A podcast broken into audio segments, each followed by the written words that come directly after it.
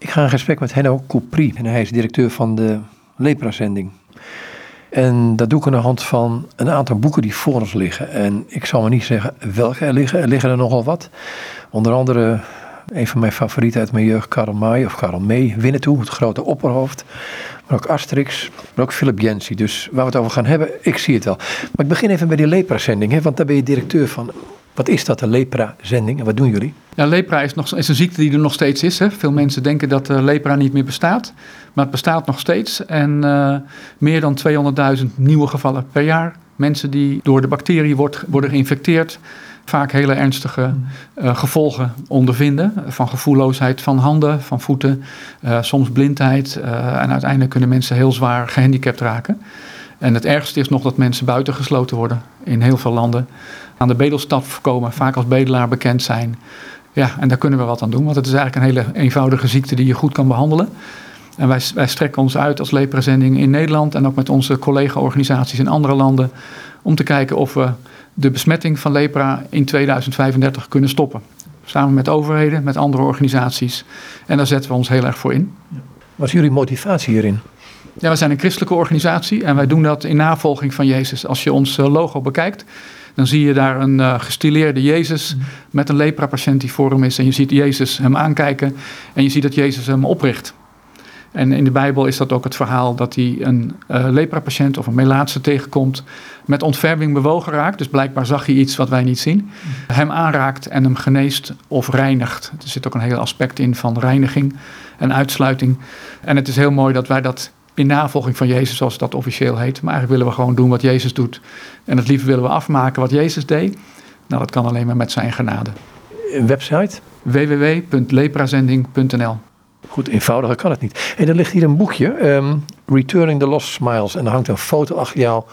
Ja, met een, eh, een, grotere glimlach kun je niet hebben. Maar wel een meisje met, ja, ze, ze heeft nog iets van armen over, maar meer ook niet. Ja, er, ernstig geval van lepra. En uh, het verhaal ook van haar dat zij uh, lepra kreeg en pas jaren later dat gevonden heeft, ging naar doktoren. Uh, haar man heeft haar verlaten, haar kind is overleden.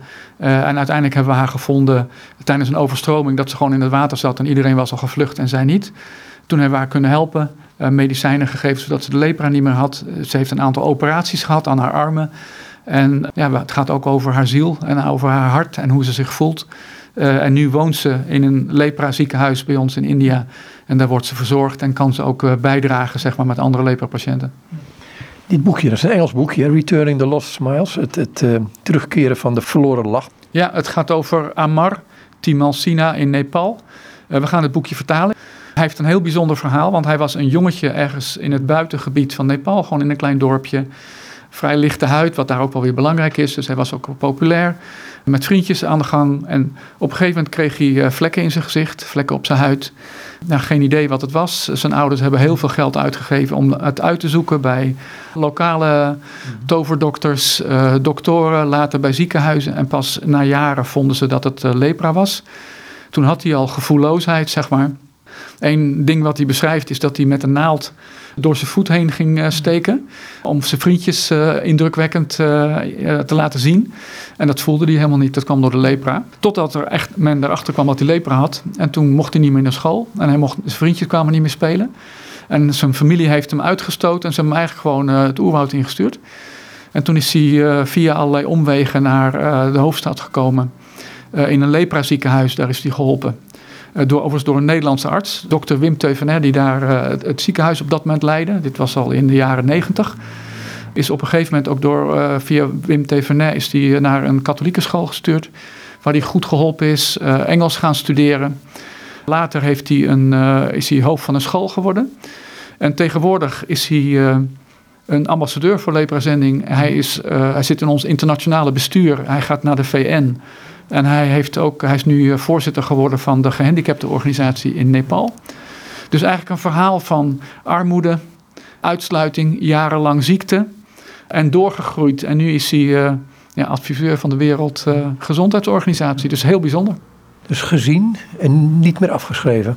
Gezien en niet meer afgeschreven. En wat ook bijzonder is om nog te vertellen, is dat hij een paar jaar geleden is hij ook, uh, heeft hij Christus leren kennen. Zijn vrouw nog niet. overigens, hij was ook zijn eerste vrouw heeft hij verloren. Want toen bleek dat hij lepra had, heeft ze hem gelijk verlaten. Dus na jaren weer een vrouw gevonden, is hertrouwd. Nou, hij vertelt zeg maar zijn levensverhaal zonder de vervelende dingen ook weg te laten. Ook dingen die hij zelf fout gedaan heeft. En nu sinds een paar jaar eigenlijk door mijn collega uit Australië... die een verhaal vertelde over genade... heeft het heel erg bij hem gesproken. En nu, uh, ja, ik mail met hem en hij schrijft van... Uh, broeder Henno, hoe gaat het met jullie? En kan ik iets voor jullie doen? En uh, ja, heel bijzonder als je zijn achtergrond weet. Maar, maar in die cultuur, hoe kon Christus daar binnen dringen bij hem? Eigenlijk doordat hij gezien werd door mensen bij leprazending. En dat waren christenen en hij werd aanvaard en hij werd geholpen. En uiteindelijk heeft hij, is hij, heeft hij zo zijn weg gezocht. En toen, pas op een bepaald moment, is het, is, is het muntje gaan vallen. Toen ze bij een bijeenkomst waren waar hij ook uitgenodigd was, eigenlijk als ambassadeur. En dat er toen werd er gesproken over de genade van Christus en wat dat betekent. En dat kwam bij hem binnen. Dus het ging over de liefde van Christus. En ja, het woord liefde, dat zegt hem wel heel veel, zowel in het positieve als in het negatieve. Er ligt er vlak voor je een boek van Asterix en een Karl May. Naartoe. En Asterix en de Britten misschien wel een van zijn beste. En die, um, die Goscinny, volgens mij heeft hij ook de boeken gemaakt van uh, de kleine Nicolaas, is hij bij betrokken. Um, maar die, die, die Asterix en de Brit, ik moet altijd aan die, dat moment denken van rare jongens die Britten. Hè, dat is onder tea time niet vochten. En dan vochten de Romeinen juist wel. Ja, ja inderdaad. Uh, dan deden ze het niet. En ik kan me herinneren, op een gegeven moment dan rijden ze, zie je daar een man met een mooi gezon en een kleine cottage, zeg maar. En dan rennen ze daar overheen en worden ze door de Romeinen achtervolgd. En dan zegt hij, na 2000 jaar zorg en toewijding geloof ik dat mijn gezon er redelijk acceptabel bij ligt. En dan komen ze er allemaal door zijn gezon. En dan zegt hij, dit is schokkend. Ik, vind het, ik vind de humor uniek. Ik vind het wereldliteratuur, ondanks dat het maar gewoon eenvoudige stripjes zijn. En het is heel karakteristiek, ja, zowel over de mensen zelf, de Galliërs, en over alle andere volken. Het relativeert een beetje ook je eigen cultuur. Ja, dat kon, Goscinny kon het wel, want hij deed het met de petit Nicola, of de kleine Nicolaas deed hij dat ook. Hij weet, hij weet toch een beetje in de huid van een kind te kruipen, en in dit geval in de huid van de Britten ook. Ja het maakt het heel karakteristiek en uiteindelijk dus ook hoe de thee ontstaan is. Zeg maar. Eerst dronken ze alleen maar uh, heet water met een wolkje melk. En op een gegeven moment vinden ze dan wat blaadjes uit India en dan hebben ze opeens thee. Dus het, ja, ja, allerlei dingen worden verklaard. Uh, en ook de taal is gewoon eigenlijk uh, zeg maar het Engels vertaald. Het is groot, is het niet? Ja, het is. En zo gaat het hele boek door. Dus ik, ik kan daar echt van genieten. Een heel ander iemand is Karl May, die vanuit Duitsland een serie heeft geschreven over het Wilde Westen, om het zo maar te noemen. Ja. Ja, die heb ik gelezen als jongen. Ik denk dat ik al uh, tiener was, want het zijn toch wel vrij dikke boeken, zeg maar, met veel letters. Gewoon die hele beleving en die wereld, zeg maar, van uh, cowboys, indianen. Nou, daar kunnen we tegenwoordig ook alles van vinden, hoe stereotyp dat is. Maar het geeft wel een andere wereld, zeg maar. En hoe daar ook uh, met respect wordt gesproken over mensen die anderen denken. Hè? Ook al over die indianen die een belevingswereld hebben en een geestelijke wereld. Uh, ja, daar kunnen we alles van vinden. Maar het is wel interessant om daar uh, te kijken hoe mensen denken. En ook hoe ze uit hun denken zeg maar, functioneren. En eigenlijk was hij natuurlijk iemand die heel edel was. En uit goede motieven probeerde het goede te doen. Ja, de Indianen, dat is ook een, een, een verhaal op zich. Hoe ze overrold zijn door de Westelingen, om het zo te zeggen. Op een manier dat je ook denkt van nou, enige schaamte past wel. Zeker, zeker. Wij mogen daar wel het schaamtekleed, het boetekleed ook wel aan, aan, aan trekken. Aan de andere kant zie je ook weer dat die Indianen, die kwamen ook weer ergens anders vandaan. En die hebben andere mensen ook weer verdreven. Dus het is ook misschien wel de geschiedenis van, uiteindelijk lezen we de geschiedenis van de winnaars. Hè, en niet van degenen die verloren hebben. Ja, het zou bij de Toren van Babel begonnen zijn. Dat zou me niet verbazen. ja. hey, er ligt hier een ander boek um, van um, Philip Yancey, een Amerikaan. Jezus zoals ik hem niet kende. Um, waarom dit boek? Met een hele andere achtergrond schrijft hij over hoe hij kijkt tegen bepaalde sociale en politieke issues. En uh, met name ook uit het perspectief van Jezus. Hij zegt, want ik, hij kwam zelf uit een heel orthodox baptistenmilieu met veel discriminatie, ook van zwarte. Sterker nog, hij komt ook uit de plaats waar Martin Luther King vandaan kwam, uh, Memphis. En hij heeft zelf nog gedemonstreerd als klein jongetje tegen Martin Luther King, die daar allemaal bijeenkomsten had. Zijn wereldbeeld was wel duidelijk. Hè? Het, het, goede, het slechte, de blanke en de zwarte en hoe, hoe God dingen bedoeld had. En daar is hij later heel erg op teruggekomen. Maar het is met name hoe hij beschrijft over hoe je het wereldbeeld wat hij had, is heel erg veranderd door mensen als Martin Luther King. Maar hij noemt ook andere mensen, Moeder Teresa, waar hij heel veel van geleerd heeft.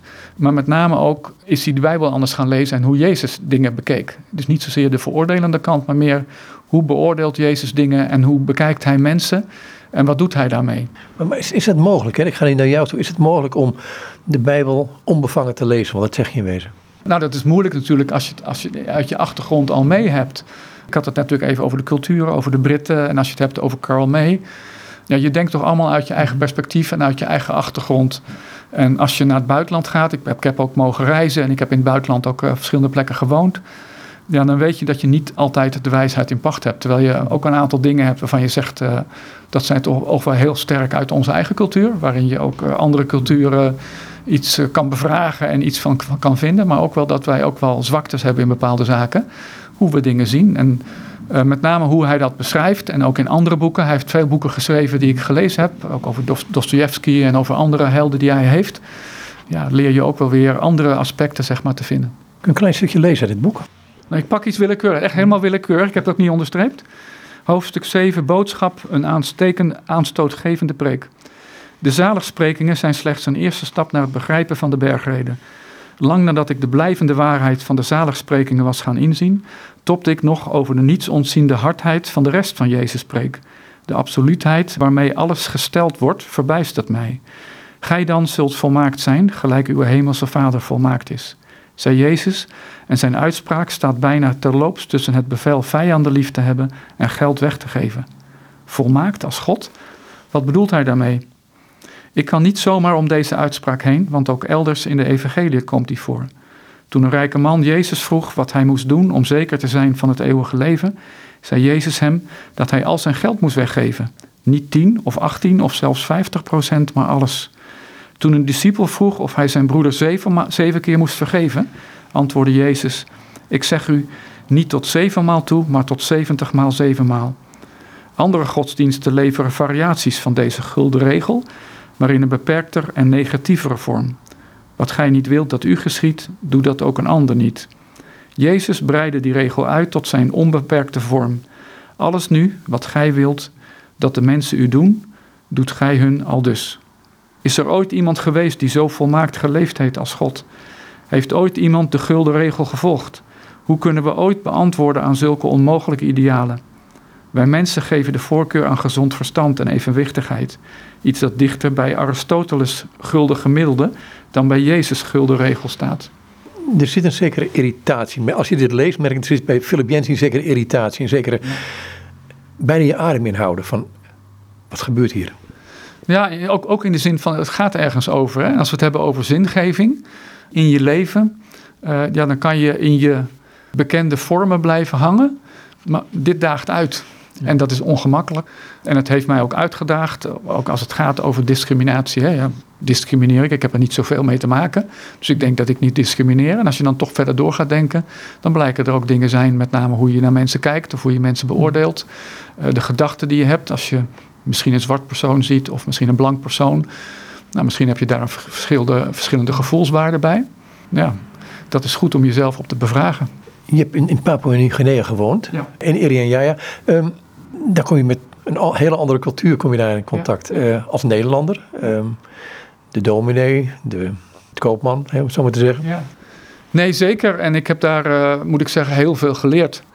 In hele simpele dingen. Hè. Ik, ik, als je kijkt bij Papua's en Papua-Nieuw-Guinea, dat klinkt nog wat primitiever. Mm-hmm. En wat je ziet is dat je daar een bijeenkomst hebt. Wij hadden, ik, ik was verantwoordelijk voor onder andere een farm. Uh, daar kwamen ook mensen uit de omgeving, de landowners, de mensen van wie de oorspronkelijke grond is. Het is nu aan de overheid verkocht, maar ze hebben daar nog wat over te zeggen, want dat was hun oorspronkelijke grond. Ja, en dan kan het zijn in een grote bijeenkomst dat daar een big man, zo heet dat eigenlijk, hè, de leider is een big man, dat die spreekt. En dat gaat allemaal hardop en recht toe recht aan, zonder dat ze daar heel veel uh, omgangsvormen hebben, als u of jij. Dat gaat rechtdoor. Daar, daar heb je het over harm, hoor mij. Hè? Maar dan kan het ook een jongetje van negen zijn die opeens gaat staan en die gaat ook spreken, harm. En die gaat opeens tegen alle grote mensen praten, denk ik. Oeh, dat is wel heel ongemakkelijk, zeg maar. Maar daar was dat gewoon.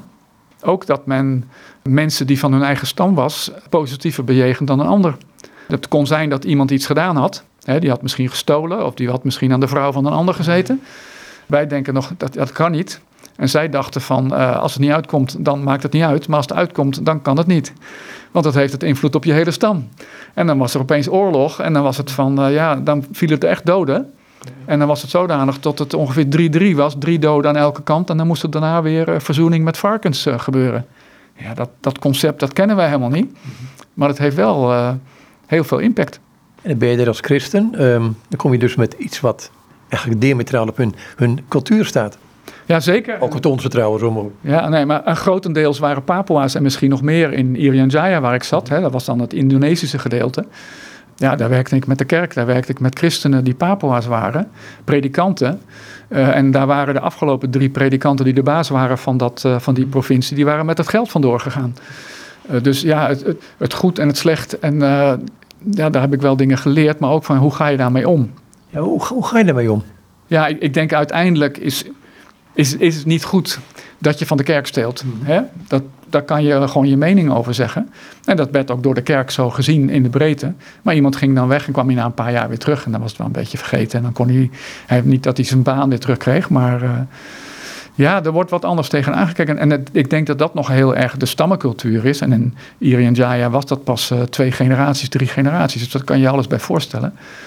Maar het, het maakt je ook wel bewust van de positieve dingen van onze cultuur. En dat het goed is dat we over waarheid hebben. Mhm. Maar ook dat het positief is als je het hebt over gasvrijheid. Of over wat is nou mijn groep. Mhm. En hoe ga ik met mijn groep over. Of ben ik een individu en het maakt niet zoveel uit wat mijn oom of tante, wat, wat die overkomt.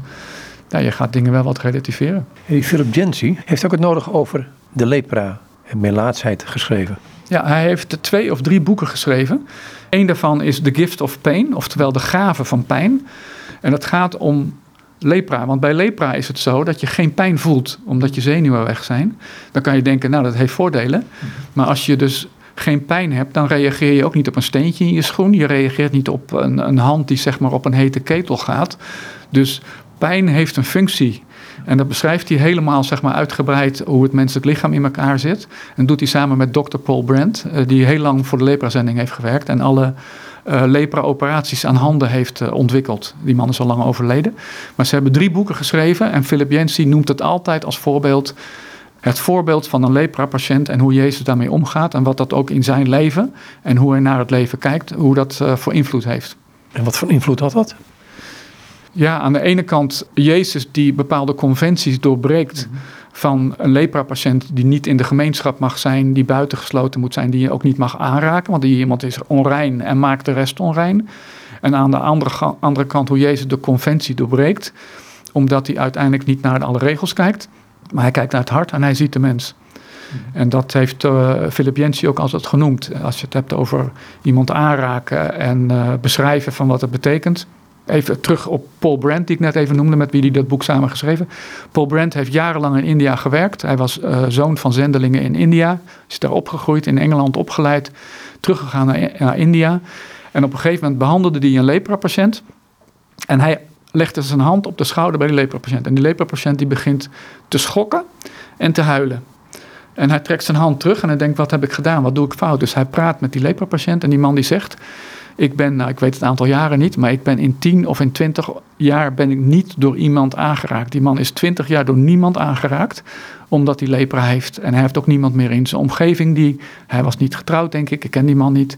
Maar die was volkomen, viel die in één, omdat iemand een hand naar hem uit en hem aanraakte. Dus als je het hebt over aanraking, ook nu in onze coronatijd, hè, zeggen we ook vaak: ja, als ik maar iemand een knuffel kan geven. Mhm. Iemand die 10, 15 jaar niet aangeraakt is door niemand, die niet gezien is, die niet gehoord is, die niet belangrijk is. Nou, dat is wel het verhaal van Jezus. Die zegt van, ik zie jou aan, ik zie een gehandicapte aan, ik zie iemand anders aan, want jij bent mens en je bent een kind van God. Nou, dat, ja, dat gaat heel diep. Het is, het is heel simpel eigenlijk. Je kan er hele boeken over volschrijven, maar uiteindelijk gaat het erom uh, wat wij vinden over armoede, wat we vinden over politieke situaties. Uiteindelijk is het erom, uh, heb God lief boven alles en je naaste als jezelf. Dat is wel de essentie. En dat heeft denk ik ook Philip Yancey uh, zo getroffen. Dus vandaar dat hij daar drie boeken over geschreven heeft ga ik naar een boek van Timothy Keller, of Tim Keller toe. Um, The Prodigal God.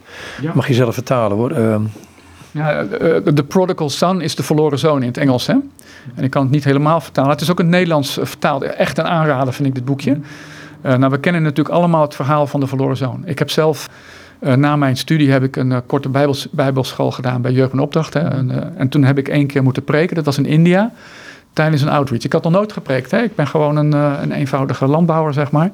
En ik werd gevraagd om daar te preken in een lokale kerk, vertaald. Ik dacht, ja, waar moet ik nou over preken? Ik ken die mensen niet, ik weet helemaal niks. En toen heb ik het over de verloren zoon gehad. Nou, het bekende verhaal van de man die natuurlijk zijn vader gedacht zegt, uh, zijn eigen leven leidt, in allerlei uh, zonden vervalt. Hij komt terug en God staat met open armen en die houdt van hem. Dit boek van Timothy Keller die gaat nog veel dieper en die zegt ook, het gaat niet alleen over de verloren zoon, maar het gaat ook over die oudere zoon. Die eigenlijk alles doet wat zijn vader wil, maar eigenlijk net zo verloren is als de eerste zoon. Want hij doet alles wat hij moet doen, maar hij, eigenlijk houdt hij niet van zijn vader. Hij wil eigenlijk ook maar gewoon een feestje met zijn, met zijn broers. En hij, hij geeft ook niet om zijn jongste zoon, hè? om zijn jongste broer. Dus eigenlijk is het ook het verhaal van, ja, was hij nou een oudste broer van zijn jongere broer die het verkeerde pad opging? En wat heeft hij gedaan? En het verhaal gaat eigenlijk met name over, hij draait het verhaal om, niet zozeer over de verloren zoon en de andere verloren zoon, want ze zijn allebei verloren, maar het gaat over de vader die alles opgegeven heeft om het contact te maken met zijn zoon. Iets van God is liefde en God wil liefde delen. En het is de essentie van God dat hij die liefde wil delen met zijn zoon, met zijn zoons, met zijn kinderen. En dat hij uiteindelijk zijn eigen zoon heeft gegeven, zichzelf heeft gegeven, als offer om elke keer wel weer die zoons en die dochters in contact te gaan. En de oproep is eigenlijk gewoon van oké, maar het is fijn, God houdt van ons en hij vergeeft ons. En hij vergeeft ons elke keer weer uit genade. Of je nou de jonge zoon bent of de oude zoon. Maar wat doen wij nou? Houden wij werkelijk van God? De vraag aan Petrus van Petrus, hou je van me? Drie keer, hou je werkelijk van me? Verschillende vormen van liefde. Dat is eigenlijk de vraag die God nu ook aan ons stelt, die Jezus aan ons stelt. Hou je van mij? En dat betekent, als je van mij houdt, hou je van je naaste. Tim Keller weet dat heel mooi te verwoorden. En ik vond het uh, eigenlijk een heel eenvoudig verhaal. Het is een kort verhaal. Hij heeft erover gepreekt. Ik heb zijn preek ook uh, gezien. Je kan het ook op internet uh, zien. Het komt echt binnen. Die oudste zonen, zeg je, zijn dat dan. Um, ja, wat voor mensen zijn dat? Want ze doen alles wat, wat gedaan moet worden. Ja. moraal is goed, um, fatsoenlijk. Um, maar Corrie de Boom herinner ik me gezegd, ook fatsoenlijke mensen hebben Christus nodig. Amen. ja. ja. Weet je, normaal gesproken als je luistert naar de verloren zoon, dan denk je, ja, dat was die slechterik. Hè? Dat heb ik gelukkig niet. Ik, ik, uh, ik ben hier weggegaan en ik doe al die slechte dingen niet. Ik ga niet naar de hoeren en ik vergok niet alles. En, uh... Ja, maar dat naar de hoeren gaan, dat heb ik altijd apart gevonden. Want dat zegt die oudste zoon.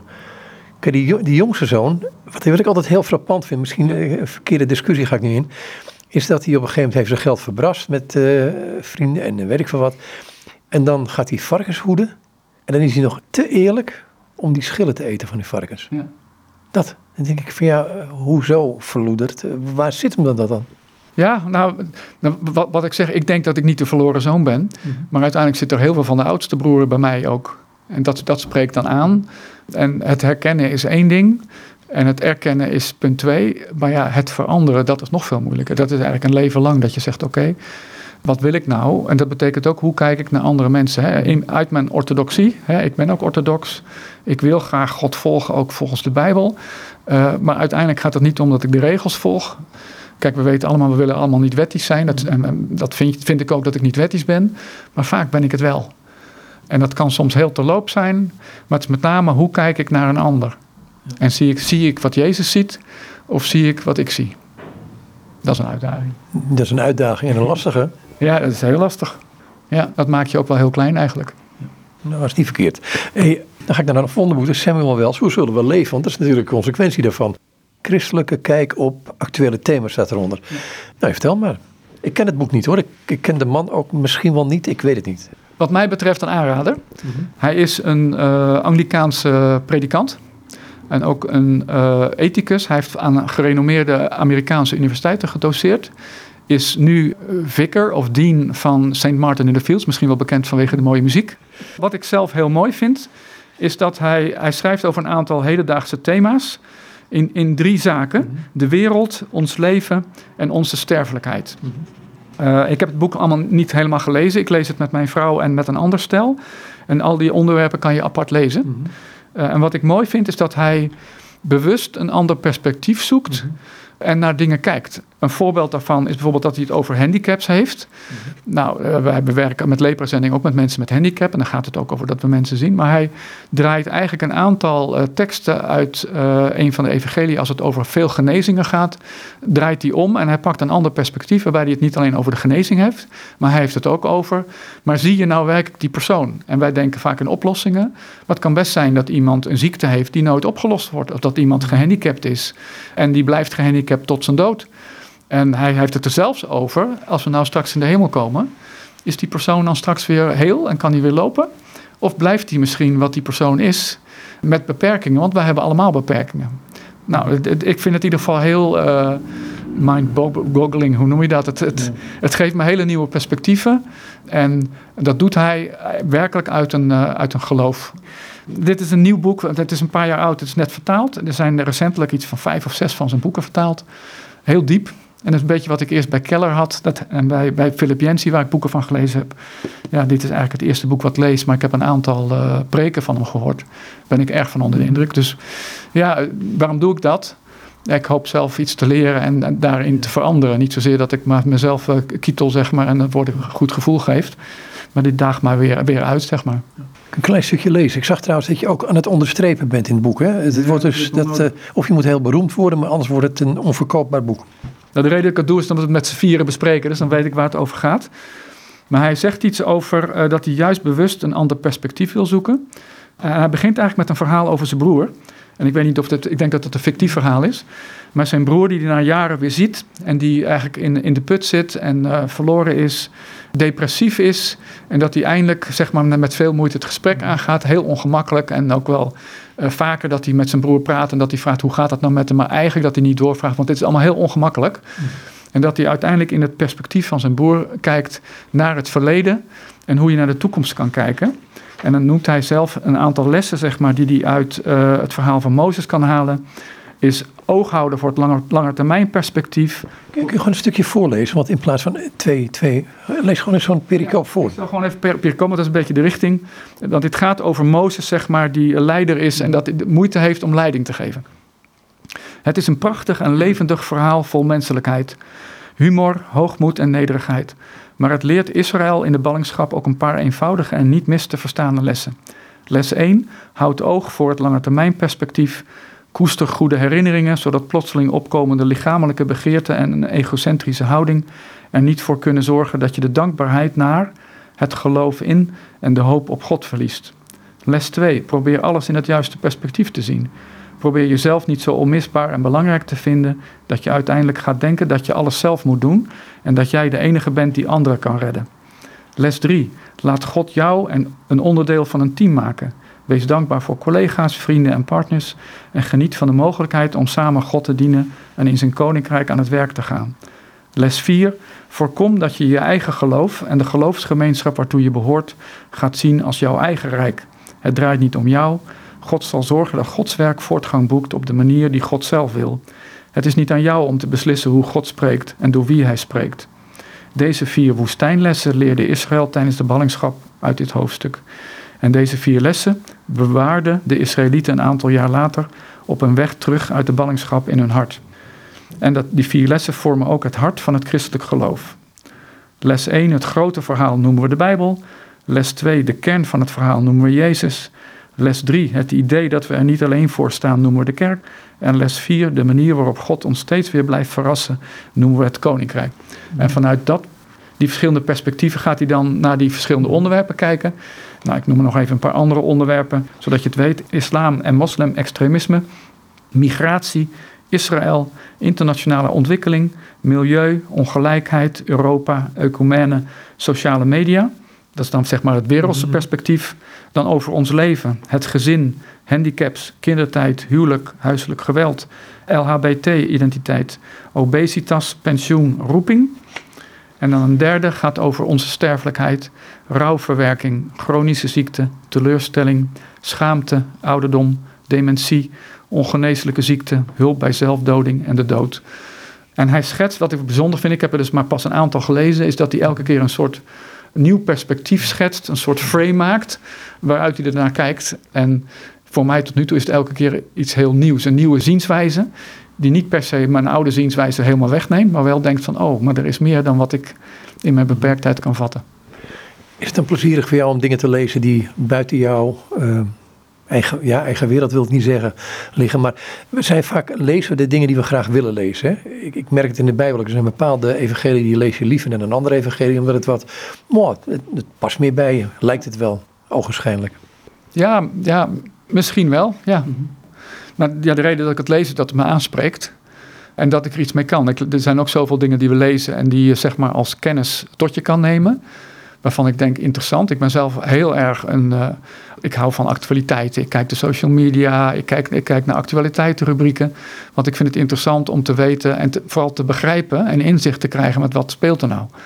Nou, daar kan je eindeloos in doorgaan. Maar ja, je kan gewoon je leven leven zoals je het leeft. Mhm. Maar uiteindelijk gaat het erom als ik uh, later de Heer mag ontmoeten, zeg maar. Wat zal die dan vragen? Niet van hoe ik nou aankijk tegen de politieke situatie. Maar uiteindelijk gaat het erom van wie, wie is nou je hart? En hoe kijk je eigenlijk naar. Hè, wat, heb je met je, wat heb je van je leven gemaakt eigenlijk? Ik denk wel eens van. van um, want je zegt die ontmoeting met Jezus is belangrijk. Het leven met God is belangrijk. En het kan zich op allerlei manieren manifesteren. Maar vaak in het hele gebeuren merk ik vaak dat je zo makkelijk afgeleid wordt. Afgeleid wordt door allerlei, misschien ook wel belangrijke dingen. Nee, dat, dat is zeker waar. En, en zeker als je het hebt over veel uh, nieuws en dat soort dingen. Ja, er is elke dag nieuw nieuws. En volgende week is de nieuws alweer oud en is het niet relevant. Dus dat is wel een, wel een nou, hoe moet ik dat zeggen? Een uitdaging, dat klinkt weer zo algemeen. Maar wel, dat vind ik wel, uh, wel soms moeizaam voor mezelf. Dat ik denk van, oké, maar... Uh, hoeveel tijd heb ik, neem, neem ik om met God door te brengen, om het woord te lezen, om te bidden. Eerlijk gezegd vind ik dat ingewikkelder dan uh, de social media volgen. Ik ook wel. Um, je legt er een boek bovenop, Ga in Portok, maar daar wil ik eigenlijk zo meteen al naartoe. Uh, ik wil eerst naar die verdraaide organisaties toe. Um, dat linkt wel denk ik met die sociale media en dat soort dingen en de structuur en, en de manier waarop we leven op dit moment. Ja, dit is een boek van Wouter Hart. En dat heet Verdraaide organisaties en terug naar de bedoeling. En wat ik heel interessant vind, is dat het beschrijft dat heel veel organisaties beginnen met een goede doelstelling. Of het nou gaat om een, een school, mhm. of een ziekenhuis, of de leprazending, of de kerk. Wij doen het allemaal uh, met een goede reden. En dat gaan we organiseren. En dat, uh, dan gaan we een organisatie en een structuur mhm. gaan we daaraan uh, stellen. En dat hebben we nodig om dingen goed in te regelen en verder te komen.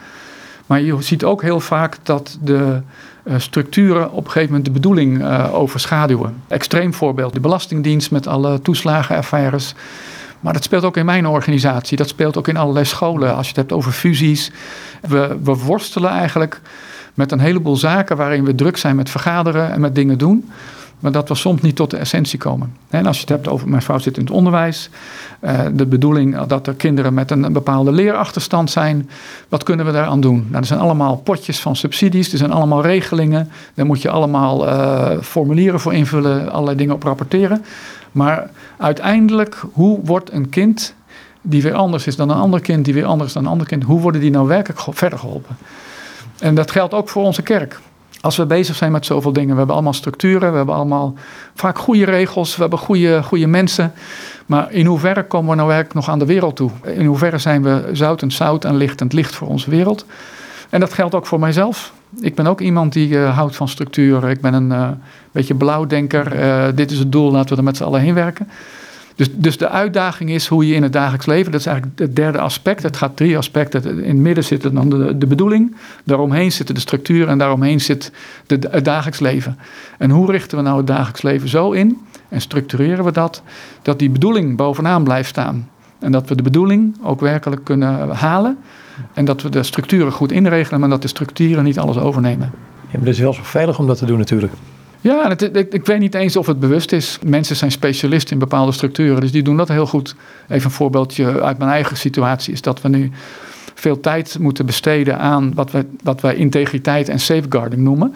Omdat er uh, schandalen zijn, ook binnen de goede doelen, maar dat weten we ook binnen de kerken, over seksueel misbruik, over uh, misbruik van geld gaat ook over structuren. Dus ik moet daar heel veel regeltjes over hebben. Ik moet goede documenten hebben. Mensen moeten gedragsregels ondertekenen. Ik moet kijken naar een eh, code van goed gedrag. En het is belangrijk dat we dat doen, want wij willen niet dat mensen slecht behandeld worden in onze organisatie.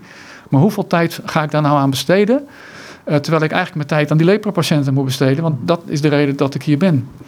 En al die uitdagingen die we hebben en die ook de regering heeft. We vervallen zo vaak in onze structuren, want we proberen het goed te doen. Maar eigenlijk weten we niet hoe we werkelijk de bedoeling vast kunnen houden. Ja, wat ik ook een proef, en corrigeer me maar, is van uh, dat je heel vaak het beleid van een structuur gaat, um, of van een organisatie gaat uh, laten bepalen door misschien 5% die misbruik maakt van de situatie. Ja, ik denk dat dat waar is, ja. ja. Terwijl soms het volgens mij maar beter is om op de doelstelling gericht te zijn. En dan heb ik het even niet over seksueel misbruik, maar gewoon dingen die fout gaan. Ja, we moeten gewoon fouten maken. Laten we dingen proberen, laten we dingen doen.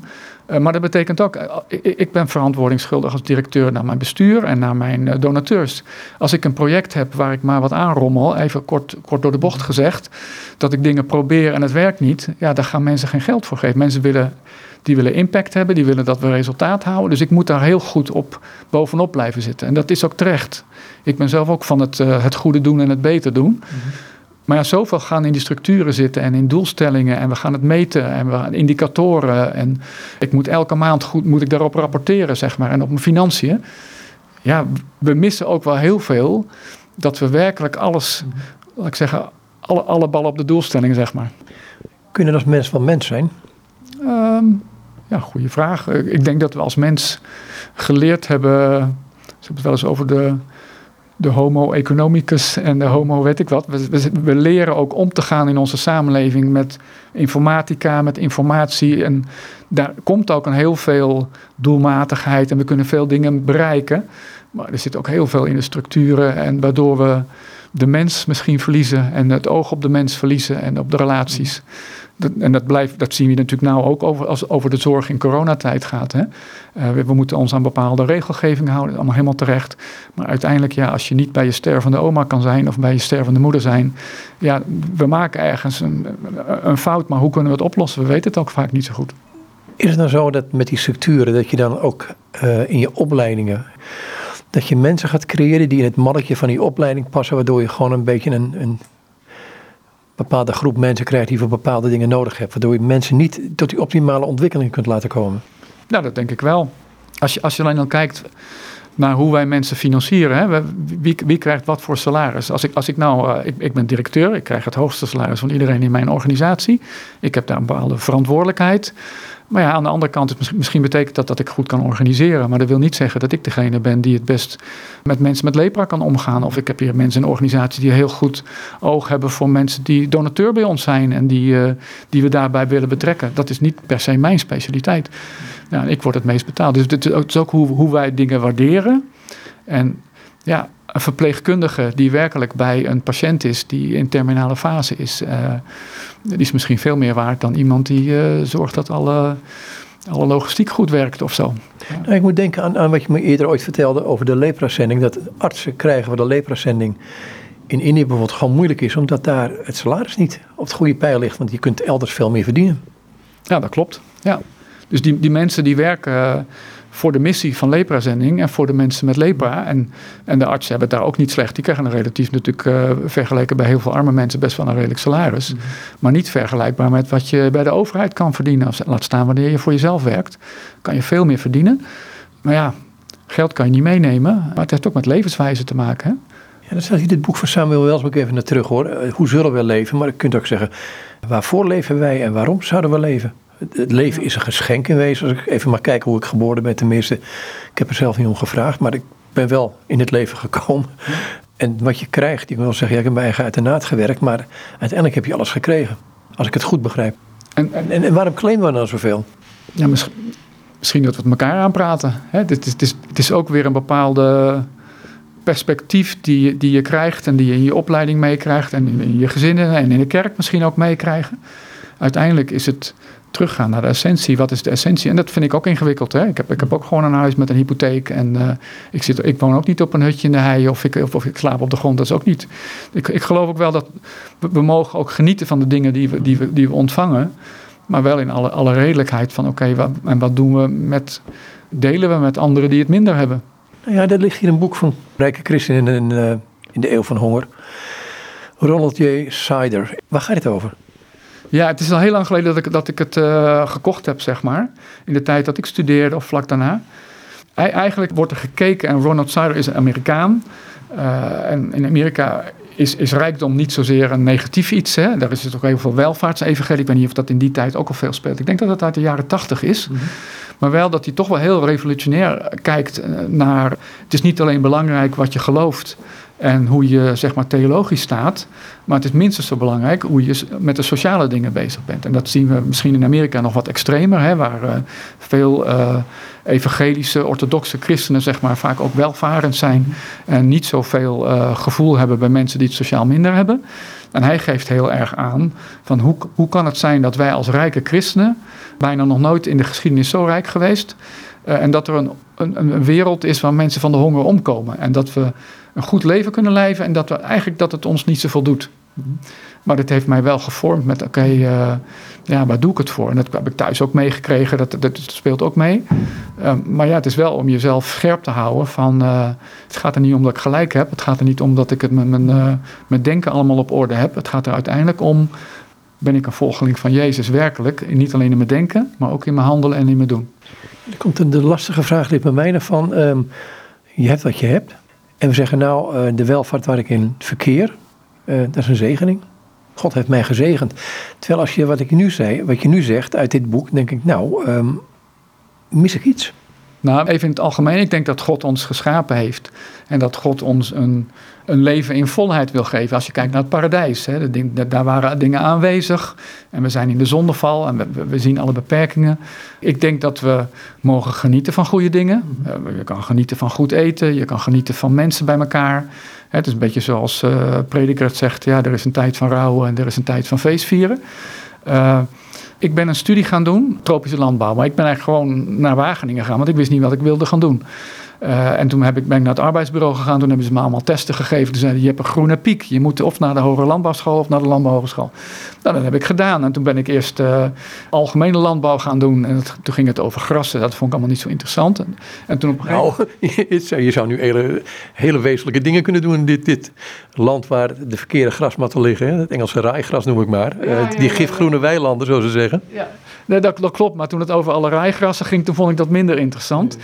En toen ben ik wat verder gaan kijken. En toen op een gegeven moment kwam ik bij, ik weet niet meer wat voor vak, maar dat, dat, vak, dat vak was een, uh, een capita selecta, een speciaal vak. En het ging over de problemen met, de, met de, de, honger in de wereld. En met name ging dit over rijst. En dat er zeg maar zoveel mensen zijn. En over zoveel jaar zijn er nog veel meer mensen. We, we kunnen zoveel rijst produceren.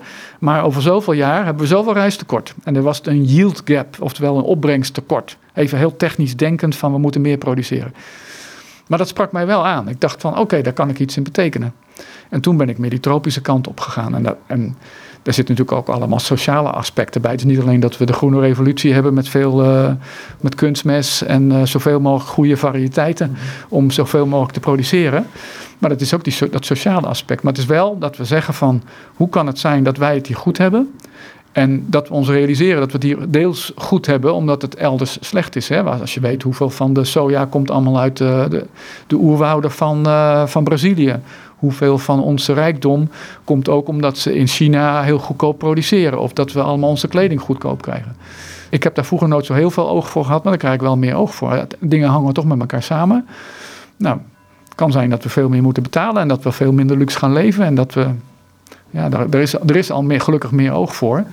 Maar uiteindelijk gaat het erom, leef ik nou voor mezelf of leef ik nou voor de ander?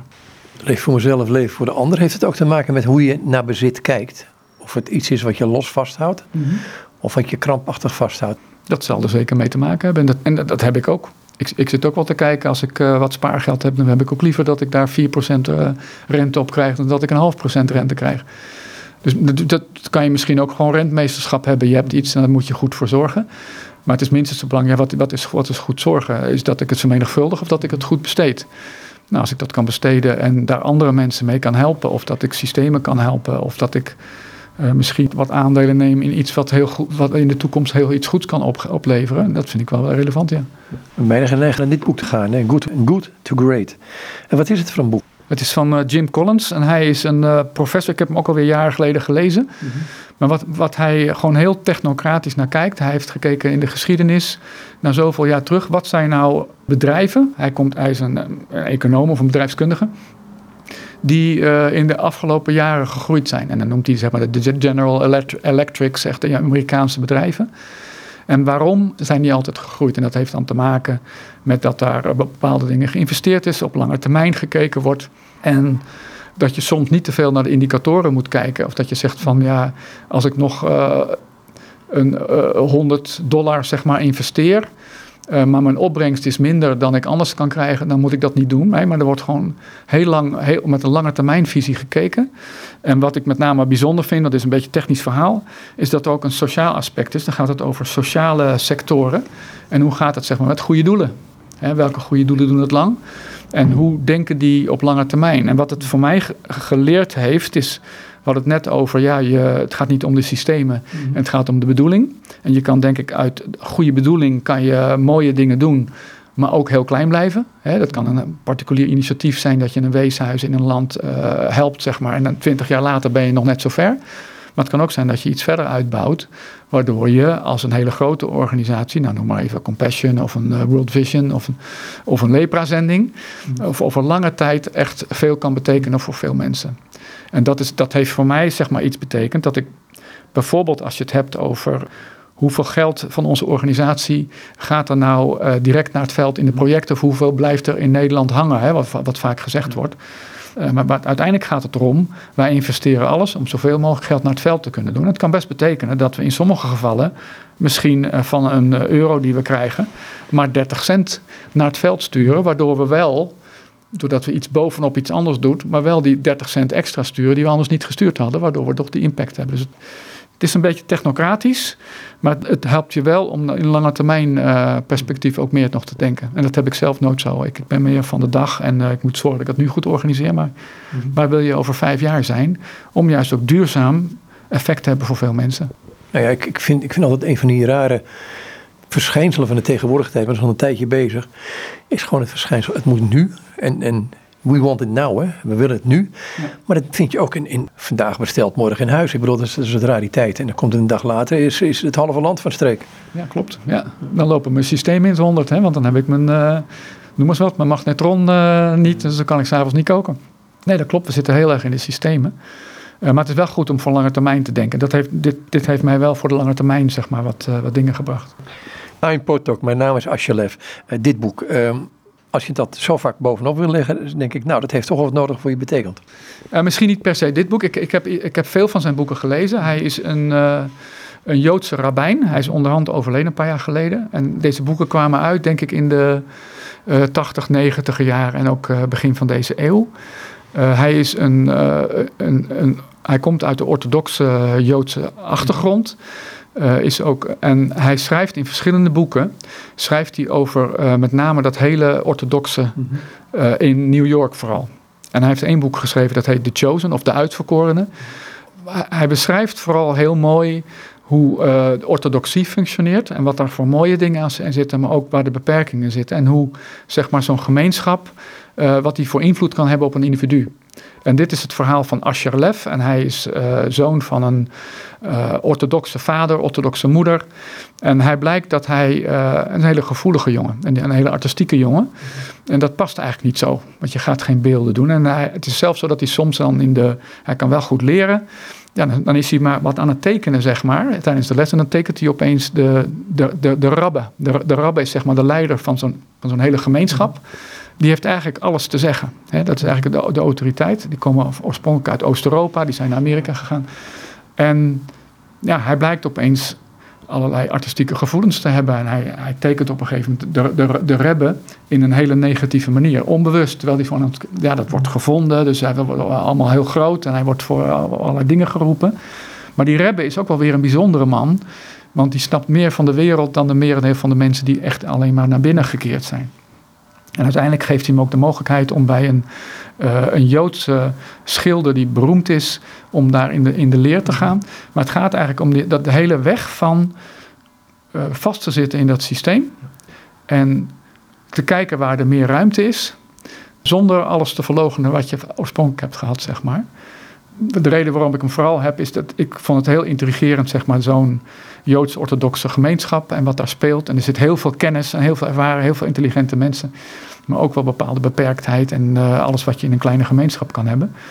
Maar hoe hij het beschrijft, en mijn, mijn, mijn dochter van 19 heeft hem net gelezen, en elke keer wil ik horen, hoe vind je het nou, wat vind je er nou van? Want er zit heel veel gevoel en beschrijvingen, en ik ben zelf heel rationeel, en toch raakt dit mij heel erg, elke keer. En ik zeg ook, het is een boek waar eigenlijk heel weinig gebeurt, maar waar het elke keer weer beschreven wordt. En hoe de seizoenen lang gaan en wat het nu weer voor hem doet. En hoe die zich langzaam ontwikkelt. Het is eigenlijk een boek van ontwikkeling. Nou, prachtig. Ik zou het iedereen willen aanraden. Je zegt, uh, er zijn de mensen die naar binnen kijken. Hij, deze rab, Rebbe kijkt naar buiten. Is er een ontwikkeling die jij ook in je eigen leven meegemaakt hebt? In de zin van dat je, je bent in een beschermd milieu opgevoed.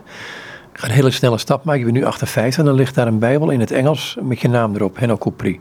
Um, goed, is dat een, een Engelse bijbel? Is dat een ontwikkeling die jij misschien ook bewust aan het voeden bent om toch over de grens van je eigen kunnen heen te kijken? Of over de grens van je eigen ja, bubbel is tegenwoordig zo'n modieus woord. Van, van, buiten je bubbel te kunnen kijken.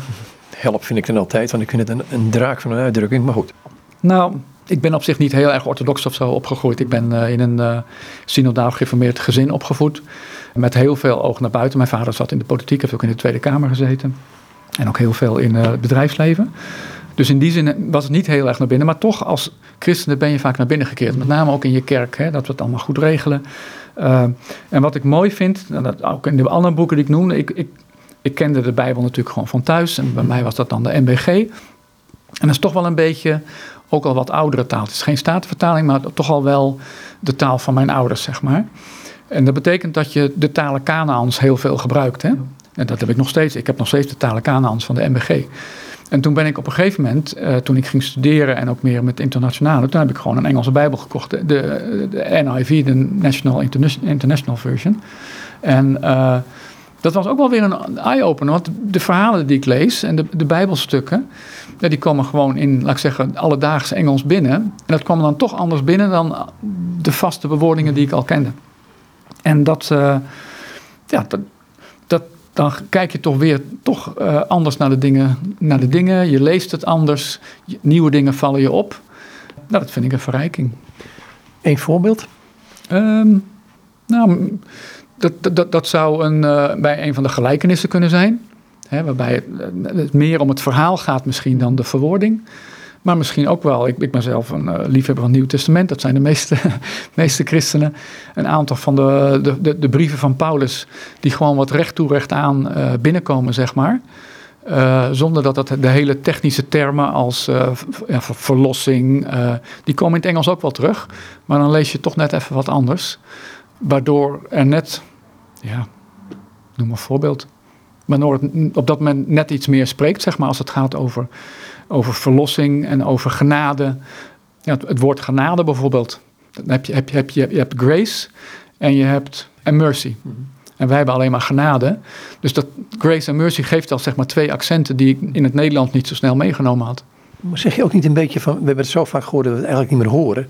En dat het daardoor wel eens handig is om een, ook in het Nederlands een iets andere vertaling te lezen. Ik noem maar de, de, de Statenvertaling of ja. de, de, de Willy Brothers vertaling. Of de, je hebt de, de vertaling nog, het Nieuwe Testament. Uh, dat, dat soort dingen. Ja, nou dat, dat vind ik zeker uh, zinvol. Ja. Omdat je toch dingen weer anders leest. En wat ik ook wat, wat mooi is wanneer je de Bijbel leest met mensen uit andere culturen. Ik heb natuurlijk in het buitenland gezeten. En dan haal je daar dingen uit en je denkt, nou, oké, dit is een verhaal, dus duidelijk. Hè, eh, hier begint het en daar eindigt het. En dit, dit is eigenlijk de clue van het verhaal. En dan heb je iemand uit een andere cultuur, die komt met een hele andere clue. En dan denk ik van, heb ik het nou niet goed gelezen? Maar die clue zit er ook in. In die zin is het waardevol om ook andere vertalingen te pakken en uh, andere mensen die andere commentaren weer leveren uit een ander perspectief. Ik vind het een verrijking. Is het ook zo met uh, de lepra-zending, de manier waarop Jezus met leprozen met melaatse omging? Ja, want eigenlijk, voordat ik bij de lepra-zending kwam, toen kende ik natuurlijk de, de verhalen wel van melaatse, maar ik kende niks van lepra. En uh, pas toen ik bij de lepra-zending kom, ja, dan kom je op een, dan gaat het over stigma en dan gaat het over uh, wat Jezus werkelijk deed. Ja, dat, dat, dat, dat is ook wel weer een trigger geweest om, uh, om breder, zeg maar, in mijn geloof over dat soort dingen na te denken, ja. En dan komt Jezus op een gegeven moment de malaatse en die raakt hem aan. En dan wordt het je pas duidelijk van, oei, eigenlijk hoort het niet. Ja, ja, en sterker nog, daar heb ik zelf nog niet eens aan gedacht. En ook wel een predikant, zeg maar, die op een gegeven moment over lepra eh, ging uh, preken. En, en, en die, die pakte dat aspect van, maar dat Jezus werd zelf onrein. Want ik, ik denk in de, in de genezing, hè, hij geneest de, de melaatse. Dus die is genezen, die is weer gezond. Nee, maar het, zit een hele, hoe heet dat? Er zit een hele theologie achter eigenlijk van mensen waren onrein en die konden dus niet in de gemeenschap en er waren allerlei offers voor nodig. En in een nieuwe Bijbelvertaling, de NBV, wordt gesproken over huidvraat. Nou, dat hebben we aangevochten. Dat vonden we een hele vervelende term, wat nieuw verzonnen. Maar er zat ook iets achter. En in de, de aangepaste, na tien jaar komt er een aangepaste versie. En daar hebben we samen met de Lepra Stichting hebben we brieven geschreven. En dan komen ze nu met een nieuwe. En dan wordt het een, een, een, zeg maar een stigmatiserende huidziekte. Dus, en ook een rituele huidziekte, want het heeft ook met rituelen te maken. Dus het is ook wel weer een verrijking van het hele verhaal. De website van de Leprazending nog één keer? www.leprazending.nl Goed, hartelijk dank voor dit gesprek. Ja. Mag ik nog één dingetje zeggen? we hebben op de website ook verhalen van mensen met lepra. Als je zegt van uh, dit is allemaal theorie. Maar lees of luister eens een aantal van dat soort filmpjes. En krijg een indruk van wat lepra kan doen bij mensen met lepra. Goed, nogmaals, dankjewel. Graag gedaan. En dit is Henno Coupri en met hem was ik in gesprek over een aantal boeken. Ik ga ze niet allemaal noemen. Hij is trouwens directeur van een leprazending en ze hebben een website zoals we horen www.leprazending.nl Goed nogmaals, zoals ik al zei, tot zover dit gesprek met Henno Coupri.